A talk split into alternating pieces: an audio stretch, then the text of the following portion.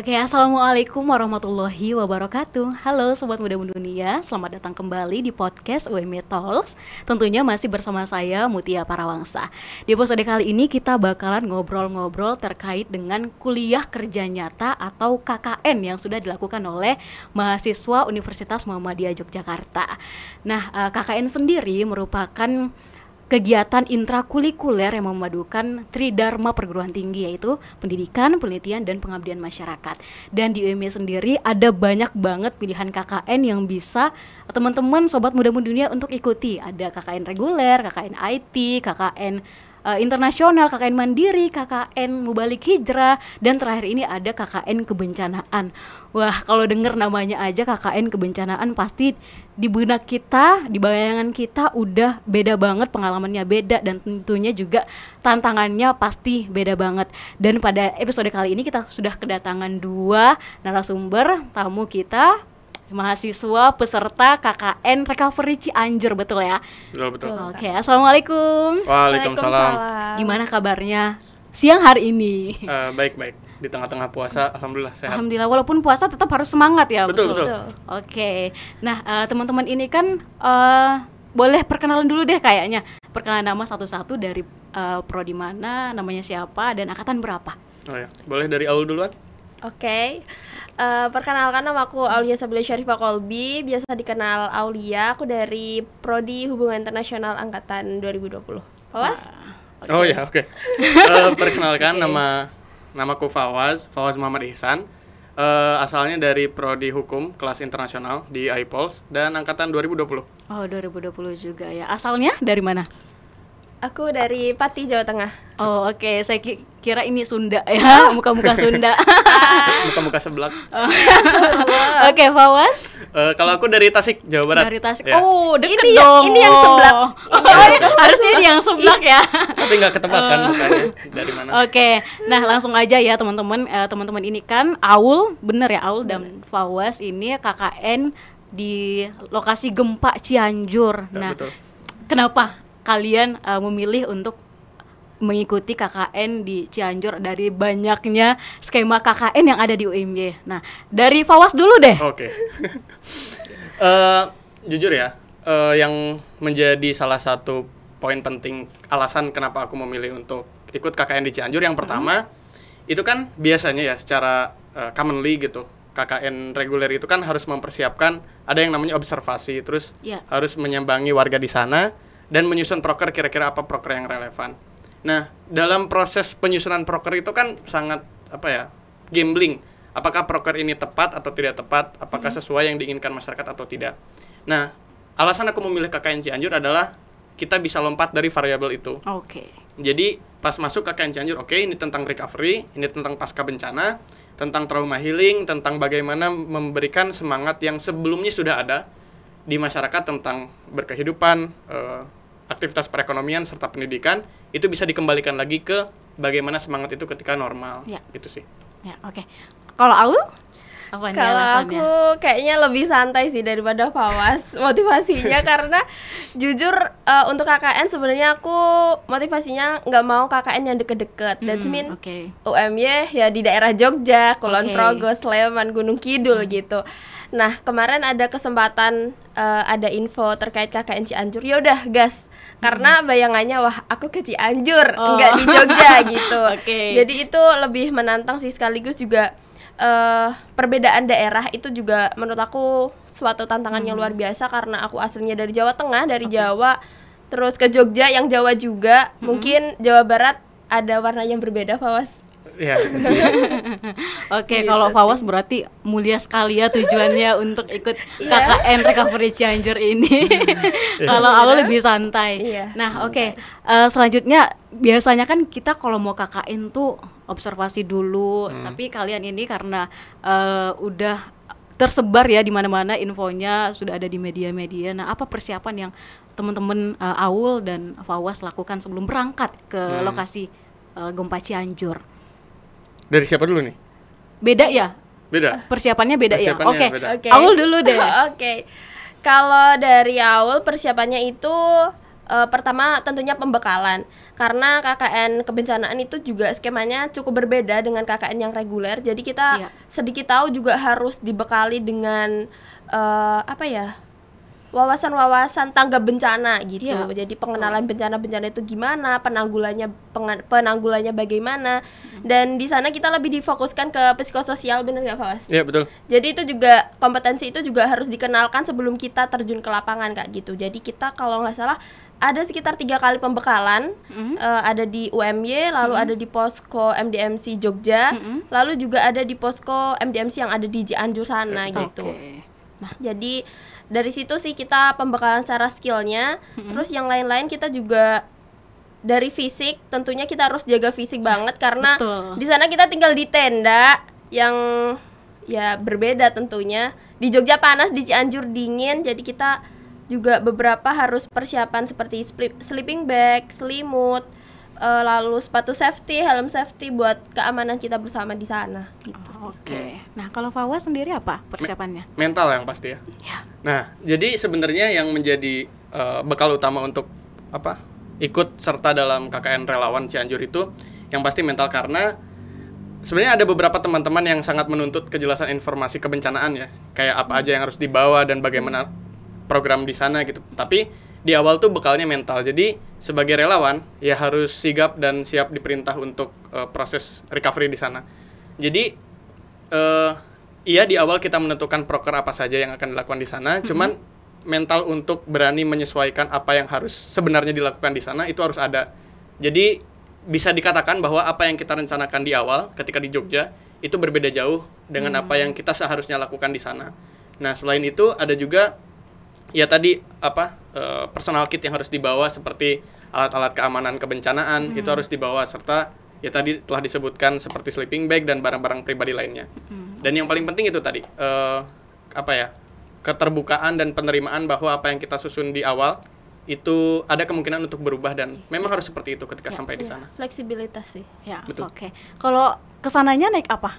Ke sananya naik bis. Naik Kebetulan. Bis berapa orang Ya. teman-teman satu 100. tim? 100 oh, orang. satu tim. Satu tim tuh 10. Oh, teman-teman 10 KKN atau 11 ya. Oh, itu selama berapa hari di sana? Satu bulan? Ya, satu, bulan. Betul. full ya. Iya. Ya, oke. Nah, sampai di sana nih teman-teman, bagaimana situasi dan kondisi di lokasi gempa Cianjur? Apa yang teman-teman lihat dan rasakan? Awas dulu deh. Oke. Eh, yang pasti yang dilihat adalah bangunan yang hancur ya. Ya. Eh, bangunan yang hancur terus pertama kali datang ke sana pun karena di Poskor, Poskor MDMC itu ada beberapa perubahan penempatan. Jadi Oke. Ya. apa yang kita gambarkan di awal itu berbeda dengan apa yang kita sampai ke sana, tapi itu bukan masalah sama sekali ya. Karena ya memang harus seperti itu. Nah, yang dilihat adalah jadi ketika telah eh, sampai kepada tempat itu kami diajak jalan-jalan sama kepala daerah setempat entah itu RT atau desa. Jadi dilihat gitu bagaimana aktivitas perekonomian yang terhenti, aktivitas pendidikan yang Oke. dialihkan. Ya. Terus ya itu bangunan-bangunan yang hancur yang terlihat seperti itu. Ya. Gitu. Kamu gimana? Kalau secara fisik emang ya banyak bangunan-bangunan yang kalau di eh, tempat aku di Posian Ciender itu karena cukup jauh dari titik lokasi gempa dan lumayan dekat dengan kotanya. Jadi untuk bangunannya tidak terlalu parah gitu. Jadi eh, hanya beberapa yang mungkin rusak berat dan beberapa rusak ringan gitu. Tapi masih banyak bangunan-bangunan yang berdiri. Tapi eh, yang bikin eh, kita di sana cukup shock itu di tempat kami sudah ada beberapa relawan yang pernah di Hmm. sana gitu. Oke. Jadi justru anak-anak tuh apa ya lebih su lebih sulit dekat ke kita Hmm, karena mereka oh. trauma. Ya. Padahal kita ke sana tujuannya untuk psikososial trauma Oke. healing, tapi mereka udah trauma karena Oh, sering oke. ditinggalin relawan gitu. Jadi Oh. itu kondisi yang cukup jadi PR buat kami Hmm. gitu sih. Oke. Nah, eh, selanjutnya nih em, enggak eh, bentar. eh, ini kalian berarti enggak satu posko ya? Enggak. Beda. Oh, beda. Iya. Dan agak jauhan. Apa Agak- deketan? Enggak tahu ya, Ciherang sama Lumayan jauh. lumayan. Aku di bawah. kamu pas berapa sih satu? Satu. Iya, ujung ke ujung berarti. Iya. Oh, berarti nggak pernah ada eh, kegiatan ngumpul semua rela eh, apa mahasiswa KKN yang di sana? Ada di awal. di awal Oh, di awal akhir. aja Iya. sama di akhir. Tapi Fawas kayaknya pernah main ke posyanku. Iya, sering keliling-keliling. Itu kan? Kalau ya. Oke. Nah, biasanya kalau KKN itu kan eh, ada uh, program kerja tadi sudah disebutkan juga. Hmm. Nah, apa saja program kerja teman-teman di sana selama satu bulan penuh KKN di uh, lokasi gempa Cianjur? Iya, kalau dari Posyan Cihrang sendiri ya, uh, karena hunian darurat itu, jadi ada istilahnya hunian darurat tenda untuk tinggal per Oke. kartu keluarga di sana itu udah selesai. Jadi yang difokuskan oleh kelompok kami yang pertama adalah psikososial dan kedua adalah pengadaan sanitasi. Jadi psikososial itu sudah diketahui banyak orang lah bagaimana programnya dan kita datang ke sekolah darurat kita memberikan materi-materi yang dirasa muatannya efektif di situasi bencana. Jadi tidak terpaku kepada apa pendidikan formal yang di situasi normal. Jadi kami memberikan semangat, memberikan games bahkan Oke. di kegiatan psikososial tersebut dan tidak terbatas aktivitas di kelas. Ada juga aktivitas di luar kelas seperti Minggu Ceria. Itu setiap minggu kami mengadakan ya miniatur 17-an supaya meningkatkan semangat eh, anak-anak di sana dan yang kedua adalah program sanitasi. Jadi kami pengadaan saluran air dari eh, sumber air ke sekolah untuk urusan sanitasi di sekitar sekolah darurat. Oke. Dua, dua program itu yang dijalankan oleh pos kami. Oke, kalau Aul sama nggak program kerjanya atau beda? Kurang lebih sama tapi ki- kami ada perbedaan lagi Mm-mm. Eh, kami juga fokus ke psikososial di mana kita ada juga Oke. eh, tenda ceria di setiap RT-nya lalu ada sekolah darurat kita mengisi di sekolah darurat lalu ada BTA buat adik-adik ngaji Mm-mm. lalu em, kami juga ada program pengeboran sumur bor karena lagi-lagi di gempa bumi PR-nya juga terkait dengan sanitasi gitu betul. jadi Oke. kekurangan air bersih itu eh, benar terjadi di sana. Jadi kita ada program pengeboran. Mm-mm. Lalu kita juga ada sosialisasi PHBS Mm-mm. terkait dengan kebersihan lingkungan. Nah, itu juga apa ya? Kita melihat situasi di sana ternyata kesadaran apa ya terhadap kebersihan masyarakat di sana tuh cukup kurang ya Fawas. Ya. Kalau di lokasi aku seperti itu, jadi kita mengadakan sosialisasi terkait dengan PHBS. Nah selain itu eh, untuk apa ya? Untuk perpisahan ya farewell itu kita ada agenda besar. Nah itu karena yang sebelumnya ada relawan juga, jadi kita dua minggu sekali ada farewell gitu. Jadi di minggu kedua dan minggu keempat itu kami ada farewell, lalu ada posyandu juga Oh, oke. dengan ada adik balita dan pengajian bersama ibu-ibu. Oke. Nah, ah, teman-teman selama 30 hari di sana pasti kan ada aja nih ah, kesulitan dan tantangannya. Nah, apa sih tantangan terbesar yang teman-teman hadapi selama KKN di sana dan bagaimana teman-teman mengatasi ah, tantangan itu? Nah, siapa dulu yang mau jawab boleh? Aku dulu deh. Oke. Kenapa jadi Kalau dari Ciender sendiri tantangan yang besar itu tadi udah aku mention di awal kak. Jadi eh, kita di sana adalah relawan yang ketiga. Jadi kita adalah kloter yang ketiga gitu. Nah sebelumnya kan tentunya udah ada relawan-relawannya sebelumnya. Nah jadi sebulan pulang, sebulan pulang. Dan kita sebulan juga akan pulang Oke, gitu. Nah anak-anak di sana, ada di sana, masyarakat di sana itu eh sedikit ada rasa trauma gitu. Aku nggak sampai bilang aku nggak mau deket ah sama kakak-kakak yang ini. Nanti juga ditinggal Iya. lagi gitu. Jadi kita Ya. wow kayak iya Iya. PR kita juga cukup berat gitu. Di sisi lain kita juga mem- ingin memberikan trauma healing kepada mereka eh, layanan psikososial tapi mereka juga kita nggak mau memberikan trauma yang sama Iya. gitu.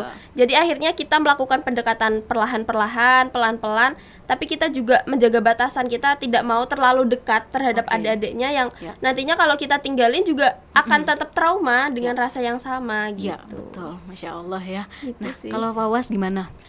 Yang menjadi kesulitan itu adalah kita sebelumnya, sebelum jadi relawan bencana itu punya stigma bahwa semua bantuan yang bisa kita berikan itu harus diberikan kepada lokasi bencana. Padahal itu salah.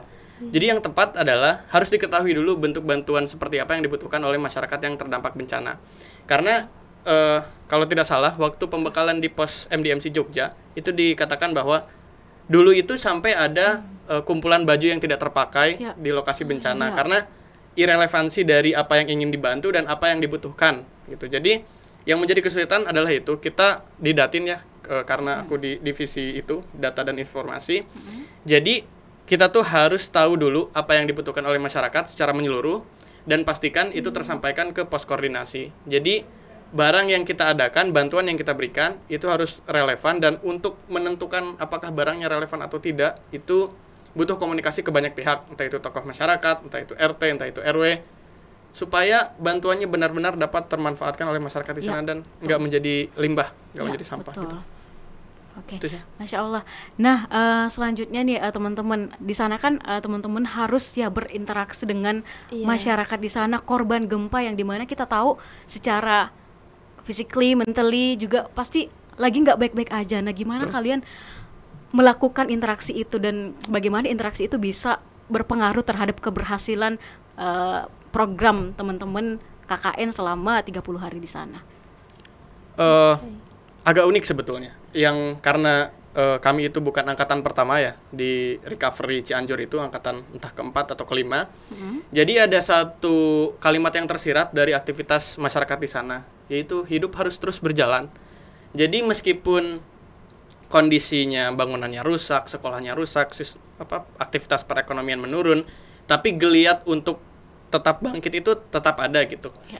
Jadi eh yang paling penting adalah interaksi itu kita berusaha mengetahui dulu, eh berusaha mengenalkan diri kita terlebih dahulu, datang ke sana sebagai apa dan ingin melakukan apa dan membutuhkan apa, serta nanti ada feedback dari masyarakat di sana memberikan informasi yang bermanfaat bagi kita untuk berprogram di sana. Jadi ya kuncinya sih komunikasi antar kita sebagai relawan dan Oke. masyarakat yang terdampak oleh bencana. Betul. Nah, kalau Aul gimana nih? Untuk komunikasinya kita eh, perlahan-lahan sih memang mendekati ke masyarakat karena masyarakat juga alhamdulillah sudah terbiasa dengan kehadiran MDMC Hmm. karena KKN Recovery ini di bawah naungan MDMC gitu. Jadi masyarakat sudah cukup common dengan MDMC, lalu MDMC juga sudah dipandang baik gitu. Jadi eh, kita untuk pendekatan ke masyarakatnya menurut aku tidak begitu sulit. Eh, Alhamdulillah kita juga ada akamsi anak kampung sini yang Ah. bisa bahasa Sunda. Oke. Jadi itu cukup menolong kami dan kami yang eh, teman-teman lainnya yang nggak bisa bahasa Sunda juga berusaha karena komunikasi itu penting, bahasa itu juga penting kan. Yep. Kalau Oke. bahasa orang Jawa sih adab asor gitu. Jadi kita mulai latihan punten, Hmm, hatur oke. nuhun. Oke. Terus kayak apalagi ya yang Apalagi yang bahasa Sunda kayak gitu-gitu ya. ya punten hatur nuhun. Heeh. Ya itulah. Ya, pokoknya itulah Oke. basicnya itu minimal kita harus bisa dan Oke. kita berlatih dengan itu sih pendekatan ke masyarakatnya. Oke, masya Allah. Nah, em, mungkin ini juga salah satu yang menarik ya eh, teman-teman. Iya. Eh, masalah perpisahan. Nah, cerita Aduh. perpisahan teman-teman ini seperti apa kan? Teman-teman sudah menjalani KKN 30 hari di sana dengan banyak banget lika-liku dan tantangannya. Nah, biasanya perpisahan itu ada aja dramanya nangis-nangis dan Ya, betul. segala macam. Nah, kalau teman-teman tuh perpisahannya gimana tuh? Coba dong ceritain satu-satu. Nah, mulai dari Fawas dulu deh. Oh ya. Ya tadi sama ya, eh, perpisahannya ditandai dengan farewell antara kita dengan anak-anak, terus kita dengan warga dan kita dengan pejabat setempat, yaitu ketua RT. Eh, nangis-nangisnya sebetulnya mahasiswa tuh kuat-kuatan ya depan anak-anak nggak Oke. nggak banyak yang nangis. Oke, sok kuat ya. Ya, Iya, so kuat. so kuat. Saya mau mention teman saya Firza sama Bayu Kenji nah, kalau nonton. Jadi mereka nggak nangis depan anak-anak, tapi Habis karena kami satu mobil, aku lihat, aduh, ini dua, dua orang dua nangis, mana malu-malu lagi, dan saya pun ikut nangis. Oh, wow, Jadi, tersentuh. iya tersentuh. Karena ya itu tadi ternyata kita yang dalam kondisi normal melihat mereka yang dalam posisi recovery itu tetap punya semangat untuk Iya, eh, recover gitu. Ya, Jadi ya itu yang sangat mengharukan momen-momen tersebut. ya oke. Nah, kalau Aul gimana nih ceritanya? Coba dong. Em, kalau untuk perpisahan itu kita juga nangis-nangis. Apalagi kita di sana tuh minggu-minggu terakhir itu justru hektik banget kak. Jadi Hmm. kayak Tuh. ada beberapa proker yang yang harus kita kejar di minggu-minggu terakhir itu di seminggu terakhir. Jadi kita bener-bener hard work di sana. Teman-teman sampai begadang, sampai nggak tidur, udah langsung bangun pagi dan lanjut yang lainnya kayak gitu.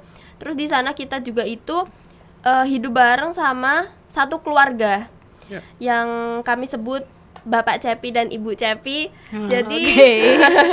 jadi di Beda ya sama- Iya. Ya, beda. Jadi perpisahannya tuh makin kerasa. Jadi kita kayak sudah nganggep bapak ibu sendiri, kita sudah dianggap Oke. sebagai anak. Jadi tuh perpisahannya sangat luar biasa dan ada ada di sana karena kita yang awalnya nggak mau terlalu dekat tapi akhirnya deket juga gitu. dan perpisahan di sana ya seperti itu kita ada farewell party eh, namanya kami Cinderfest ka, eh, kaosnya aku pakai sekarang Oh, gitu masya Allah. Kasih lihat dong. iya Cinderfest gitu nah Oke. itu kita perpisahan bareng anak-anaknya sama masyarakat juga di sana gitu sih Hmm, Oke. jadi eh, mau nggak mau perpisahan tuh tetap terjadi tapi masyarakat di sana alhamdulillah apa ya cukup terkesan dengan kami kami juga sangat terkesan dengan Oke. eh, mereka memperlakukan kami di sana gitu jadi sama-sama terharunya Nah. Oke, oke. Eh, Ngomongin soal kesan nih selama teman-teman eh, KKN di sana 30 hari, kesan terbaik apa yang teman-teman dapatkan eh, di sana Aul dan Fawas?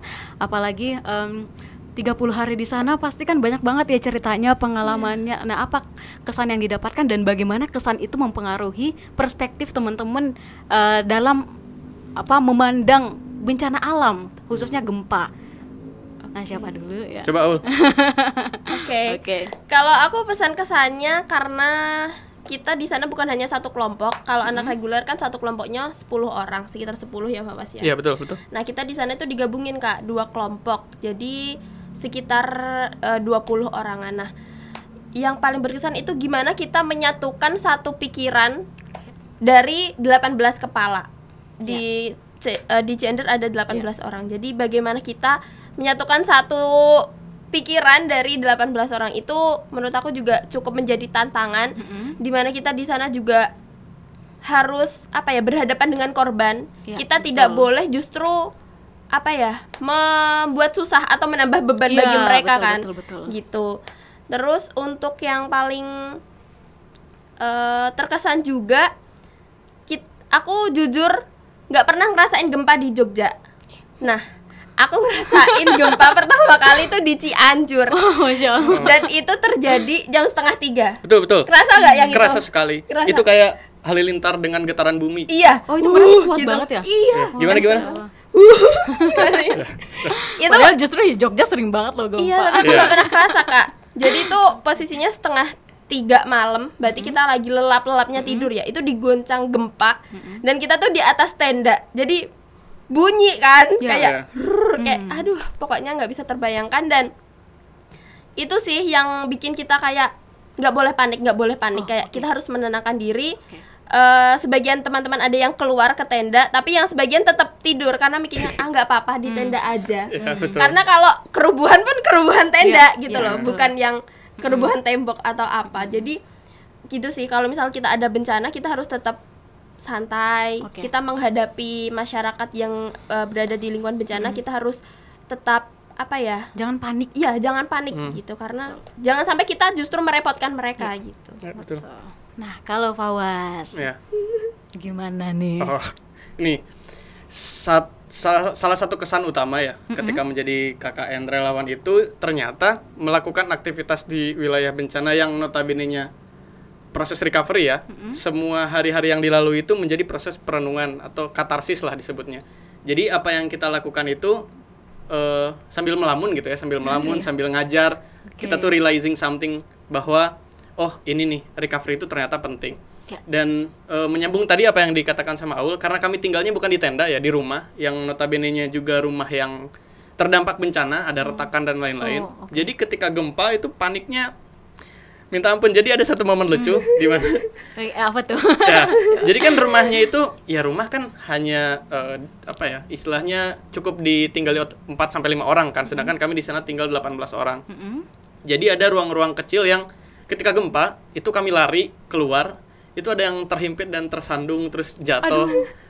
Dan saya juga jatuh tapi ketika ketika jatuh itu kan dalam posisi mengantuk ya. Ket- Ketika pas jatuh dan udah tahu gempanya selesai, ya udah tidur lagi gitu. Sedangkan teman-teman eh, apa pergi keluar. Itu sih kesannya yang pertama seru dan yang kedua adalah bahwa ternyata dalam kondisi bencana itu yang paling tepat itu bukan panik tapi cermat. Oh. Jadi ketika Oke. kita cermat dan tahu apa yang harus dilakukan ketika gempa terjadi, itu kita tetap sigap dan Oke. eh, keterburu-buruan dalam panik itu dimanfaatkan ke cermatnya kita untuk Oke. eh, survive dan selamat dari bencana itu. Itu sih Wow. kecermatan yang penting. Wow, masya Allah. Nah, terakhir terakhir banget nih. Hmm. Nah, eh, apa sih eh, Fawas dan Aul pesannya buat eh, teman-teman mahasiswa lain yang akan melaksanakan KKN khususnya di lokasi gempa juga atau bencana alam yang lain. Nauzubillah min zalik semoga nggak terjadi ya. Tapi kalau misalkan terjadi, nah apa sih eh, pesannya buat teman-teman yang akan ikut juga melakukan KKN di lokasi yang sama?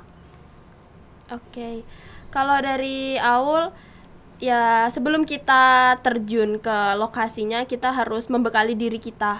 Kita harus juga membentuk mental kita, apa eh, menambah pengetahuan kita terkait dengan bencana-bencana itu. Mungkin kemarin di Cianjur ada gempa atau nanti eh nauzubillah min dzalik, di lokasi lain ada bencana yang lainnya. Itu kan kita juga butuh penyesuaian nih, eh, skill-skill dan kompetensi-kompetensi yang perlu kita eh, bekali untuk diri Oke. kita gitu.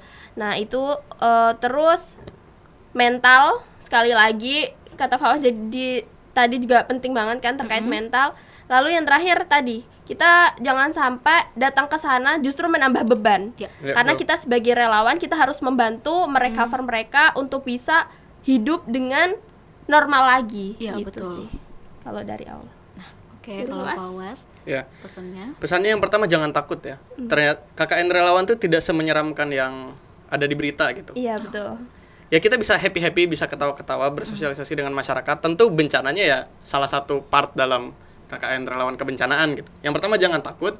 Dan kalau misalnya ada kesempatan untuk eh, ikut sebagai KKN relawan bencana, ikut aja. Ikut aja. Apalagi kalau berada di bawah naungan MDMC. Iya. MDMC itu sangat cermat dalam Iya, menentukan eh, bantuan dan bagaimana memperlakukan kita sebagai relawan yang awam Mhm. untuk masuk dan membantu proses recovery bencana. Yang ke satu jangan takut, yang kedua ikut aja.